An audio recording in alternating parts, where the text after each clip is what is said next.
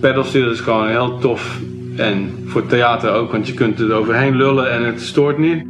Dit is Off the Record, de podcast van Rosa Ensemble waarin sociale bubbels van kunstenaars gepopt worden. Een gesprek tussen twee mensen die elkaar niet zo gauw zouden spreken. Wesley Fransen, gitarist en zanger bij Tape Toy.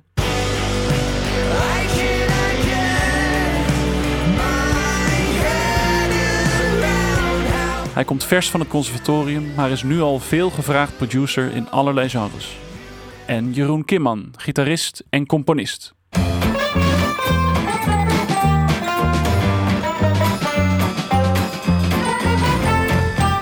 Hij is een muzikale veteraan die zijn hand niet omdraait voor de onmogelijkste gitaarpartijen. Ze praten over To the Moon, een compositie van Jeroen, maar ook over het knippen van een hip-hop beat, de emotie in complexe muziek en goedkope gitaarpedaaltjes.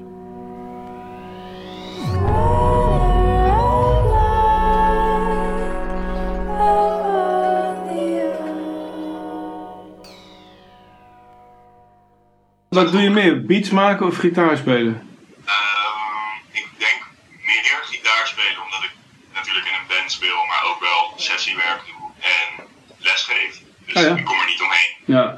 Maar eigenlijk alles daarnaast is wel produceren en be- beats maken valt er dan onder, maar ook eigen songs schrijven en demoen en dan ook weer voor het echt opnemen, maar ook met eh, andere mensen, andere artiesten en andere bands eh, samenwerken en dan ben ik echt de producer. Ah, tof.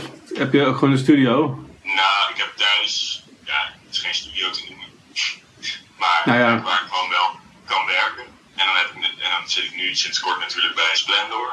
Oh ja. En daar zijn dus heel veel ruimtes beschikbaar ook op te nemen. Dus dat is super cool. Dat heb ik vorige week ook gedaan. En dan heb ik met mijn eigen band nog een ruimte. En dan heb ik nog een vriend, slash, ja, ja het is wel meer een vriend dan een collega inmiddels. Maar die heeft eh, thuis wel echt een goede mixstudio. Waar ik vaak met hem zit. En doe ook veel projecten met hem. Dus Ivan Lego. Dat is stiekem ook mijn eh, grootste hobby, weet ik veel.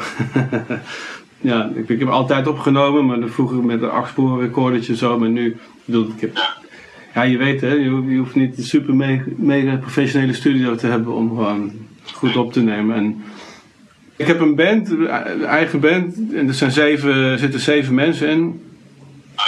En het werd tijd voor een nieuwe plaat of album. Met, ik had een beetje de hoop om, eh, om met z'n zevenen echt dan drie dagen of zo een goede studio in te gaan. Maar ineens, toen kwam die corona een beetje, er kwam net aanwaaien en ik dacht van, eh, oeh, ja, dat gaat gewoon niet gebeuren. Ik heb ook geen geld voor, niemand heeft tijd, dat soort dingen. En toen heb ik net nog eh, de drummer en de bassist en mezelf opgetrommeld om eh, gewoon één middag in de studio alles wat ik dacht op te gaan nemen.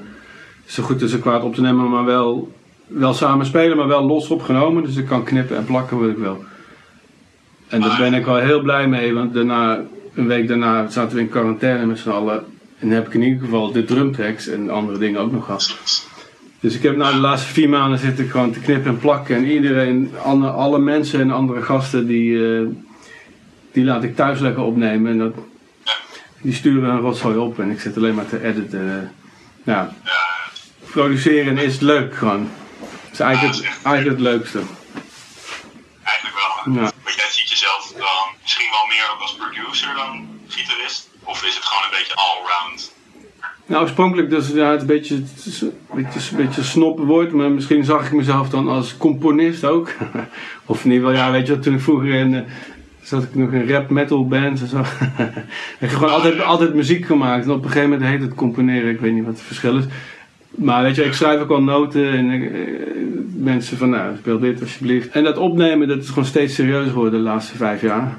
En dat is ook gewoon weer een ding op zich. Ik moet zeggen dat het gitaarspelen, ja, het is net zo serieus als het componeren, maar op een of andere manier is het wel heel erg gescheiden. Ik bedoel, ik heb, ik heb niet de behoefte om als ik, als ik stukken maak, om dan heel goed gitaar te spelen. Of bedoel, het is gewoon wat, wat nodig is, weet je wel. dat stuk, ja. Ja, Daar kan ik me ook heel erg in, in vinden. Ik had aan het begin van mijn opleiding vorig jaar afgestudeerd op het conservatorium van Amsterdam. Oh ja. En toen had ik heel erg nog een beetje die mentaliteit van, oh ja, ik ben net hè, aangenomen, dus ik moet nu allemaal sikke, sikke, sikke dingen gaan doen. Eh, en dan ging ik ook dingen schrijven om het hoe sick het is. Weet je wel, Ja. vette partijen. Gewoon heel ingewikkeld. En, en echt langzaam begon het steeds meer af te nemen. Was het gewoon nee, het moet juist dienend zijn. Ik moet juist een gevoel overbrengen. En Dan moet ik je wel waarschuwen. Ik hou wel echt van eh, ja, rare, rare maatsoorten. Of in ieder geval, ik hou, ik hou gewoon van verrassing voor mezelf. Dus ik probeer, niet, ik probeer niet een soort format na te maken. Ik probeer juist iets uit te vinden. En dan moet je gewoon af en toe zes bochten om. En het is misschien niet de meest organische manier, maar dat vind ik wel leuk. ja, want ik heb je album geluisterd. Oh ja, twee keer. wauw. Ja, want dat is echt jouw album, toch? Ja, Eigenlijk. ja. Ja, cool. Want daarin, want het is inderdaad, ja, wat je vertelde, dat, dat zit daar ook allemaal wel echt in. Maar het voelde, eh, voelde wel heel organisch. Alles voelde heel, het, ja, het voelde niet van, oh ja, dit is super ingewikkeld. Het- Zo klinkt het natuurlijk wel op het eerste, als je het voor het eerst luistert. Maar het, was, het voelde heel natuurlijk aan allemaal. Ja, En als het meer uit een soort van vertaling kwam van gevoel en emoties, dat je die dingen, die dan ingewikkelde dingen ehm, maakte in plaats van, oh ja, dit is muziek die ingewikkeld en moeilijk is, omdat het ingewikkeld en moeilijk is. Eh, nee, nee, nee, dat, dat, bedoel, dat het ingewikkeld en moeilijk is, dat vond ik heel, heel stoer toen ik 18 was of zo. En eh, ook muziek maakte, maar ik ben nou bijna 48. Dus Nu is het gewoon, eh, ik ben heel langzaam, of ik steeds langzamer gaan componeren. De vroeger dan maakte ik nog wel eens een ding in een dag. En nu kan ik er af en toe gewoon een maand mee zitten. En ik zit echt ook vaak te puzzelen, weet je. Dus zelfs stel dat ik een melodie aan het maken heb, dan is wat dan ook de, de, de basistrack zou zijn, die, die loop ik vaak. En dan maar zoeken naar wat daar tegenin kan, zeg maar. Vaak het contrast vind ik, dat gaat werken. En dan kan ik echt soms, door ik daar drie uur zit, zit dat gaat maar door. En het voelt gewoon van, nou, dit niet, nee, nee, nee, nee, nee, nee, nee, nee, ook niet, nee, nee. Zo, eh, ik heb iets beter. eh, heel intuïtief en uiteindelijk, ja. En dan, eh, ja, weet je het gewoon voor jezelf, weet. Van, nou, dit, zo moet die zijn. En heel, vaak als ik met andere mensen mijn muziek ga spelen, dan, die ervaring heb ik inmiddels, dat het veel moeilijker is voor dat wat ik zelf voel als gewoon best organisch. Zo voel ik het gewoon. Eh, die moet hier en niet daar. Dat andere mensen worden er behoorlijk gek van. Je moet er heel hard tellen en zo. Ja, is niet anders. Ja, het is bijna altijd een misverstand als je andere mensen vraagt om jouw muziek te spelen. Zeker als je al tien keer met jezelf en je eigen ritmegevoel het zo gedaan hebt zoals je denkt dat het moet. Komt er iemand bij, het is altijd anders. En je gaat natuurlijk een beetje knippen en plakken, de, zo stiekem ben ik ook wel. Maar ik besefte ook aan het einde van, ah, shit, die muziek gaat eindelijk leven. Omdat het niet zo claustrofobisch alleen maar mezelf is. En er zijn gewoon andere mensen die gaan meewaaien.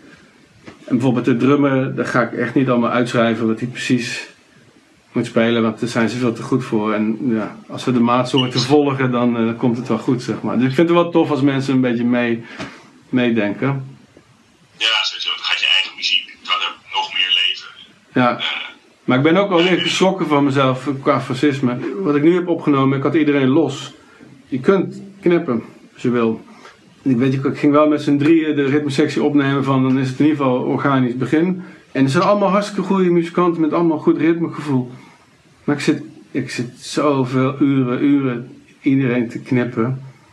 Gewoon dat het ritmisch net is wat ik wil. En dat gaat niet over strak, weet je. Want ik, ik werk niet met grits, geen kliktrek. nee, ik hoorde, hoorde het heel erg terug in je, ja, op dat album. Dus Ja, aritmisch. Ja, nee, niet aritmisch, maar meer een soort van die. Ja, ik herken dat heel erg van de soort van. Ja, hip-hop. Experimentele hip-hop-achtige Ja. dingen die ik veel luister heb gemaakt. Heel erg die video. Ja, En wat- hoe, hoe je het nu vertelt, hoe je dat dan, hoe je samenwerkt met anderen, hoe je dat opneemt en dan edit. Dus het bijna eigenlijk alsof je je medemuzikanten eigenlijk gewoon hebt gesampled. Als het ware. de- dat is best lullig, ja. En, en tot een bepaalde hoogte is het ook zo. Heel stiekem, en dat voor, ja, ik denk dat weinig mensen het in de muziek terug horen en dat hoeft ook helemaal niet. Maar ik was wel degelijk bewust van eh, hip-hop Ja. productie, weet je wel. En gewoon die mentaliteit, de Mad Libs en de, ja, de Dillers van de wereld. En dat kan gewoon, ja, bedoel, en dan komt er totaal andere muziek uit bij mij. Maar eh, op een of andere manier, dat gevoel van ritme.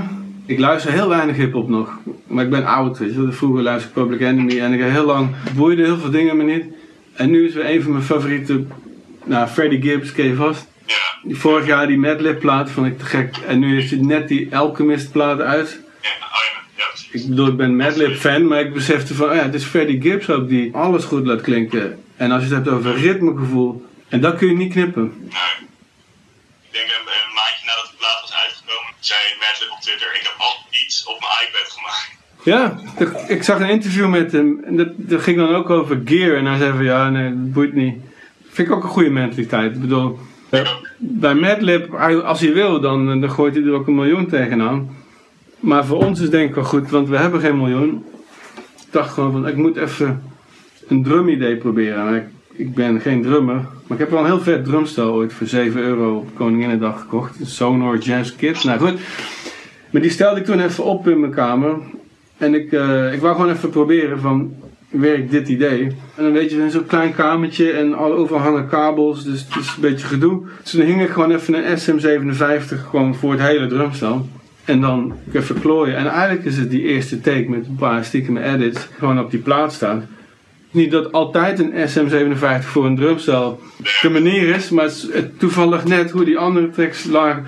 Het was gewoon oké. En bovendien, soms moet je ook gewoon dat. Dat is ook hip-hop voor mij. Voor zover ik er iets van weet, maar van oké, snel, nu. Weet je wel, nu voel ik het. Nu moet je het pakken. Ja, Je nu- hebt dat ook zelf geproduceerd dan. ja, dus ook ah, je medemuzikant heb jij ook zelf opgenomen. ja, En, en uiteindelijk ook zelf gemixt. ja. Een vriend heeft hem gemasterd. Wauw, En- want ik de mix ook echt heel, gewoon heel sick. Ja, ik, ik zat echt zo van, oh, ik ben wel benieuwd of jij dat dan ook zelf hebt. Want die drums, ja, ik weet niet, alles klinkt gewoon. eh, ik, ik dacht al wel dat je het zelf had gemixt, omdat je op een of andere manier hoor je altijd aan een mix of de muzikant het zelf heeft gemixt.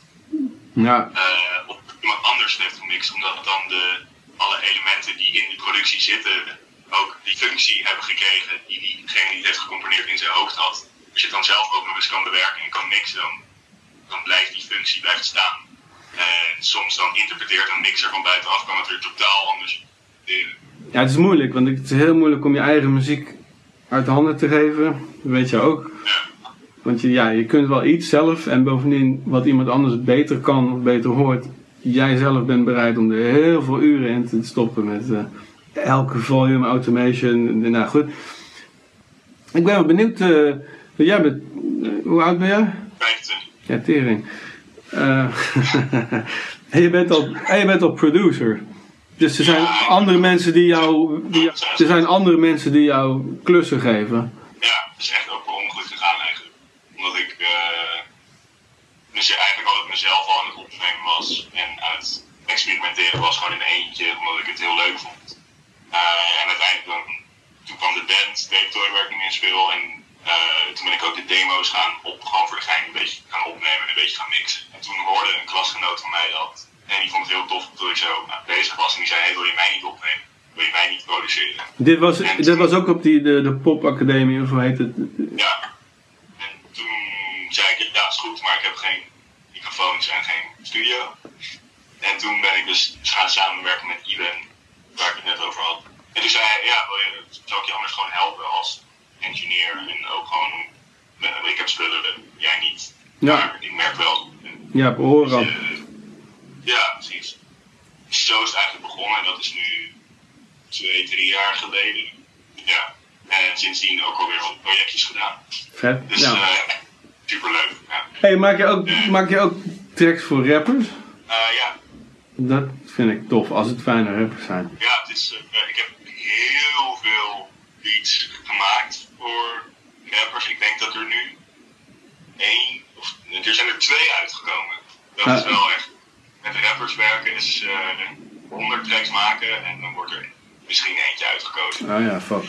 De output van die scene is echt niet normaal hoeveel tracks er worden gemaakt. In mijn tijd, als je nog eens een rapper tegenkwam, dat, ja, dan kon je er ook nog ergens mee naartoe soms. Ja, Maar ja, nou doet elke tiener dat natuurlijk. Soms vind ik het ook wel jammer dat het zoveel om kwantiteit gaat. En Van- dat er gewoon vaak hele goede ideeën zijn. Maar het wordt gewoon niet afgemaakt omdat er niet een bepaalde mainstream appeal aan vastzit. En dat is vooral in Nederland, merk ik heel erg. In Nederlandse hiphop, de meeste mensen toch wel, weet je wel, we willen wel in die playlist komen. En we willen wel een featuring met die en die. Ja, dus ja. het moet wel zo en zo klinken. En daardoor wordt veel, ja, echt veel van de originaliteit en gewoon echt vette dingen, die worden gewoon niet, niet gereleased of afgemaakt, omdat het gewoon niet een, een pop-appeal heeft. of zo. Dat vind ik heel jammer. Ja, nee, misschien hebben, soms voel ik dat ik een beetje verwend ben geweest. Hoewel, als ik weet je, ik speel ook met mensen die, eh, die 10 jaar of 20 jaar ouder zijn. En die hebben het allemaal over de goede oude tijd, de jaren 80, begin jaren 90. Dat als ze een rare jazzclub hadden. En dan hadden ze een paar stukjes geschreven en dan gingen ze een beetje rondbellen. En dan kreeg je een toertje in Nederland van, van 10 concerten waar je iedereen 300 piek de man kreeg uitbetaald en dat soort dingen. Dat is niet meer. Maar ik. Ja, mooie tijd. Ik was er niet bij helaas. Volgens mij wordt het, wordt het allemaal nog kariger. Maar misschien heb ik net genoeg mazzel. Ook ten dele Rosa Ensemble moet ik zeggen. Dat speel ik nou sinds een jaar of 17 af en toe mee. En dan, ja, dan kom je iets doen en eh, dan krijg je er geld voor. En dat is fijn, want dan kun je muziek blijven maken. Nee, ik vond jou, die gitaarsound was heel goed. Want die, ik zou hetzelfde durven zo... Best veel distortion en vibrato. Het was echt super compact. Het werkte gewoon in die track. Ik heb Eh, die sound een beetje gejat. Eh, de eerste keer dat ik die sound maakte was eh, toen ik Material Girl voor, voor Madonna. coverde. Ja, en daar zit die, die leadlijn en dat is volgens mij gewoon een synth. En toen, toen ik die sound probeerde na te maken op gitaar, toen kwam ik eigenlijk op fuzz met een snelle vibraat. En sindsdien, tenminste dat was dezelfde tijd dat die band ook begon. Toen ben ik dat gewoon gaan gebruiken. Ja. Welke vibrato is dat? Behringer, 20 euro. Die heb ik ook. Ja, Die is goed, hè? Ja. Ja, doet ding, ja. Hij doet wat hij moet doen. Gewoon, eh. Wat ik eh, ook nog zag en hoorde, jij speelt ook banjo. Ja. En. Nou ja, een beetje. Ja. Allebei een beetje. banjo. Echt waar? Ja, Hoe? Ik heb. eh, hoe lang? Nee, nee, nee, nee. Ik 16 bedoel, welke, hoe, eh, welke techniek zo'n beetje? Clawhammer. Nee, serieus?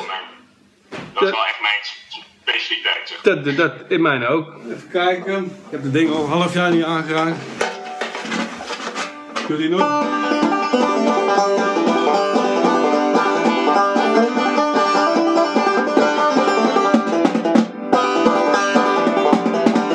Nee, kan niet meer. Die slaat Zo.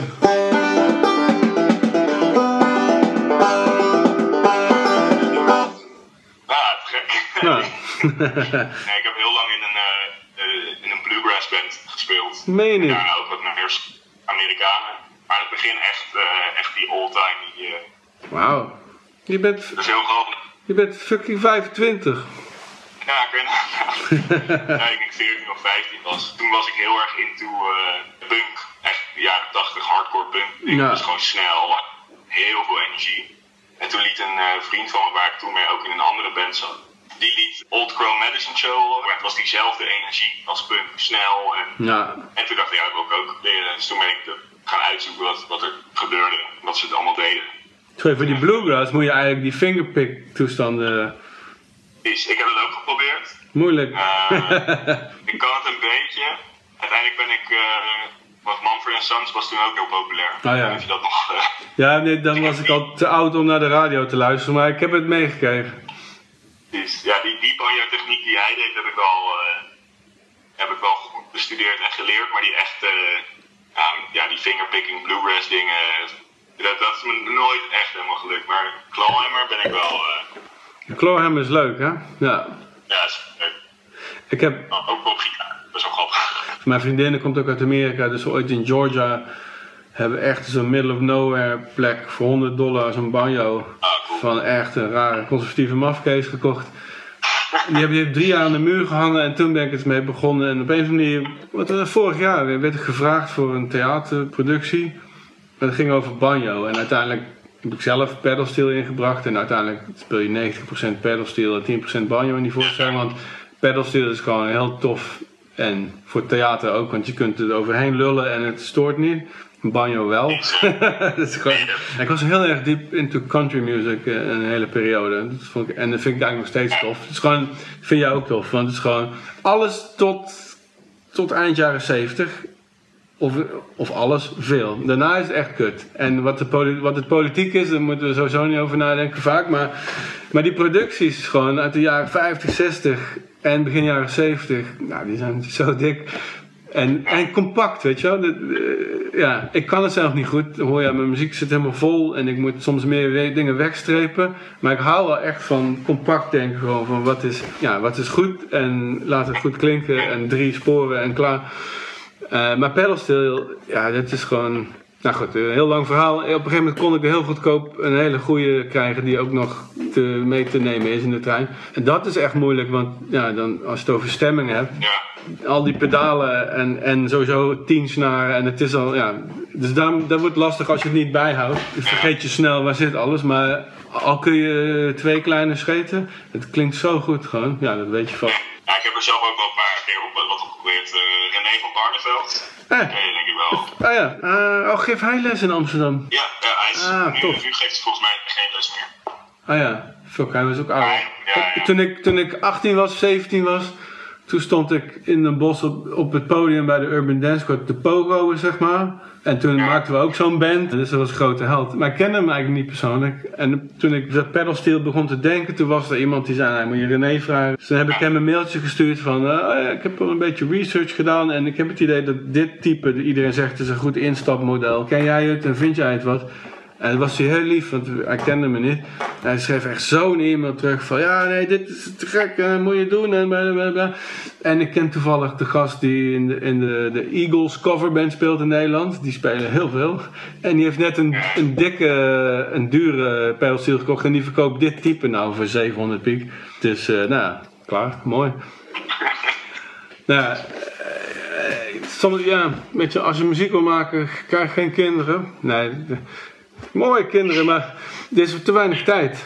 Want we willen componeren, willen opnemen, willen gitaar spelen, banjo, pedalsteel. Eh, probeer maar in één ding goed te worden. Nee, maar dat vind ik niet interessant. Ik wil alles een beetje doen. Ja, dat heb ik ook.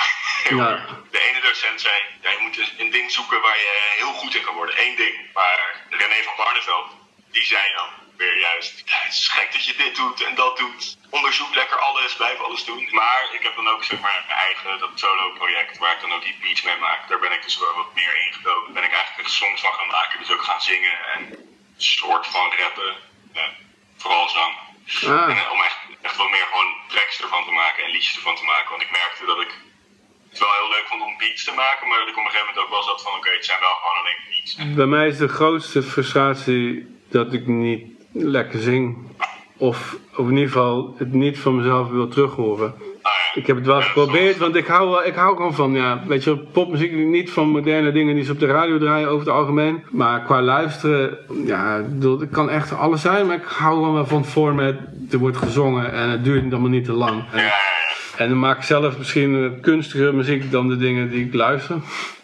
Meestal. En soms zet ik wel heel raar, heel raar microtonaal strijkkwartet op, zo voor de gein. Maar, maar ik kan niet, ja, ik zing gewoon niet goed. En dat is jammer, want dat vind ik toch het, het fijnste format. Gewoon drie minuten, vier minuten, klaar. Ja, precies. Ja, wat ik wel, ik ben er dus wel een beetje onderzoek gaan doen naar van oké, hoe kan ik dus inderdaad mijn stem laten klinken dat ik het fijn vind terug te horen. Want dat was ook een probleem wat ik vaak had. Klinkt gewoon niet lekker. Dan is de, is de instrumental klinkt best wel eh, gewoon R&B-achtig of hip-hop-achtig.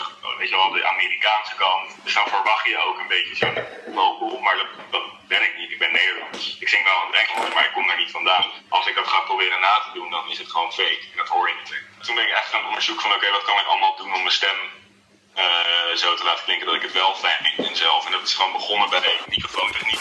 Heel simpel. Heel zacht zingen, bijna fluisteren in de microfoon. Heel erg hard gainen. Zing je nog steeds in het Engels dan? Ja, dat wel. Oké, ja. Want ik wil wel de mogelijkheid hebben om een groter publiek te kunnen bereiken dan alleen Nederland. Om maar zo te zeggen. Ja. Oh ja, nee, dat is wel, dat is wel een groot verschil. Waar ik ook alweer jaloers op ben. Gewoon, gewoon ouderwetse ambitie. Ja, oh ja. Ik ben wel ambitieus. Nee, nee, ik ben, nou, het valt eigenlijk wel mee. Ik ben al blij genoeg als ik gewoon van, muziek kan leven. En dat is natuurlijk al een luxe. Ja, dat is wel grappig. Ik weet niet of je die track waar de, dit interview-idee ooit mee begon. Dat was, die was er met Evie de Visser gemaakt. Voor Evie. Het zou een muziektheatervoorstelling worden. En aan mij de vraag of ik, of ik een liedje wou schrijven wat even zou zingen. Dat is te gek, maar het was op een tekst van een gedicht van Jozef Stalin. Toen hij jong was, schreef hij hele kleffe gedichten over bloemen en dat soort dingen. En er was dan zo'n gedicht in het Engels vertaald. Rijmt ook niet. Het was een rare tekst, maar het was heel fijn om met Eefje te werken. En uh, ja, we, we, zijn ook al goed bevriend geraakt. En dan volg je er even extra dan je normaal zou doen. Ik geloof niet dat er ooit echt sprake van was. Maar er was ooit bij mij wel een fantasietje van... Oh, misschien moet ik ook met haar gewoon gaan spelen. En... Uh, Oh ja, fuck, ze verkoopt gewoon een Paradiso uit en zo. Het is ook soms toeval, hè. Je gaat muziek spelen en je komt een paar mensen tegen en dan, leer je die dingen en dan zit je in die hoek en dan doe je dat. Dan ben ik van nature ook best wel eigenwijs, van ik wil het gewoon zo doen. Dus dat is misschien niet echt voor de grote, grote markt. Maar ik vond het wel heel interessant van, uh, oh ja, want ik vind Even namelijk heel goed. Heel subtiel, heel muzikaal. Toen we samen speelden, ja, het is echt een, echt een pro. en dacht van, oh ja, shit. Ik heb gewoon die, ooit die afslag genomen, maar zou het ook niet eens een keer leuk zijn om, uh, om eens een keer bij zo'n project gewoon langs de gro volle grote zalen te trekken. Maar goed, dat is toen niet gebeurd en waarschijnlijk gaat het ook niet meer gebeuren. Maar jij bent nog jong, je ziet er goed uit, dus je moet het gewoon doen.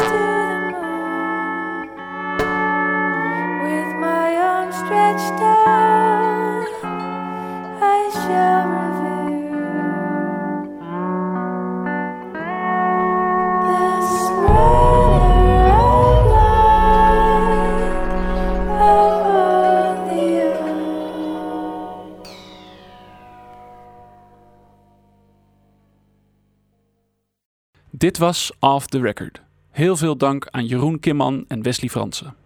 Beluister To The Moon en andere tracks van Rosa Ensemble op het album Effata, te vinden op alle streamingdiensten. Off the Record is gemaakt door Willem Wits, dat ben ik, met ondersteuning van het Rosa Ensemble. We zien je graag terug, online of bij een voorstelling. Oh, en misschien herkende je hem al, we hebben onze podcast tune uit dit nummer gesampled. Daar komt hij nog een keer.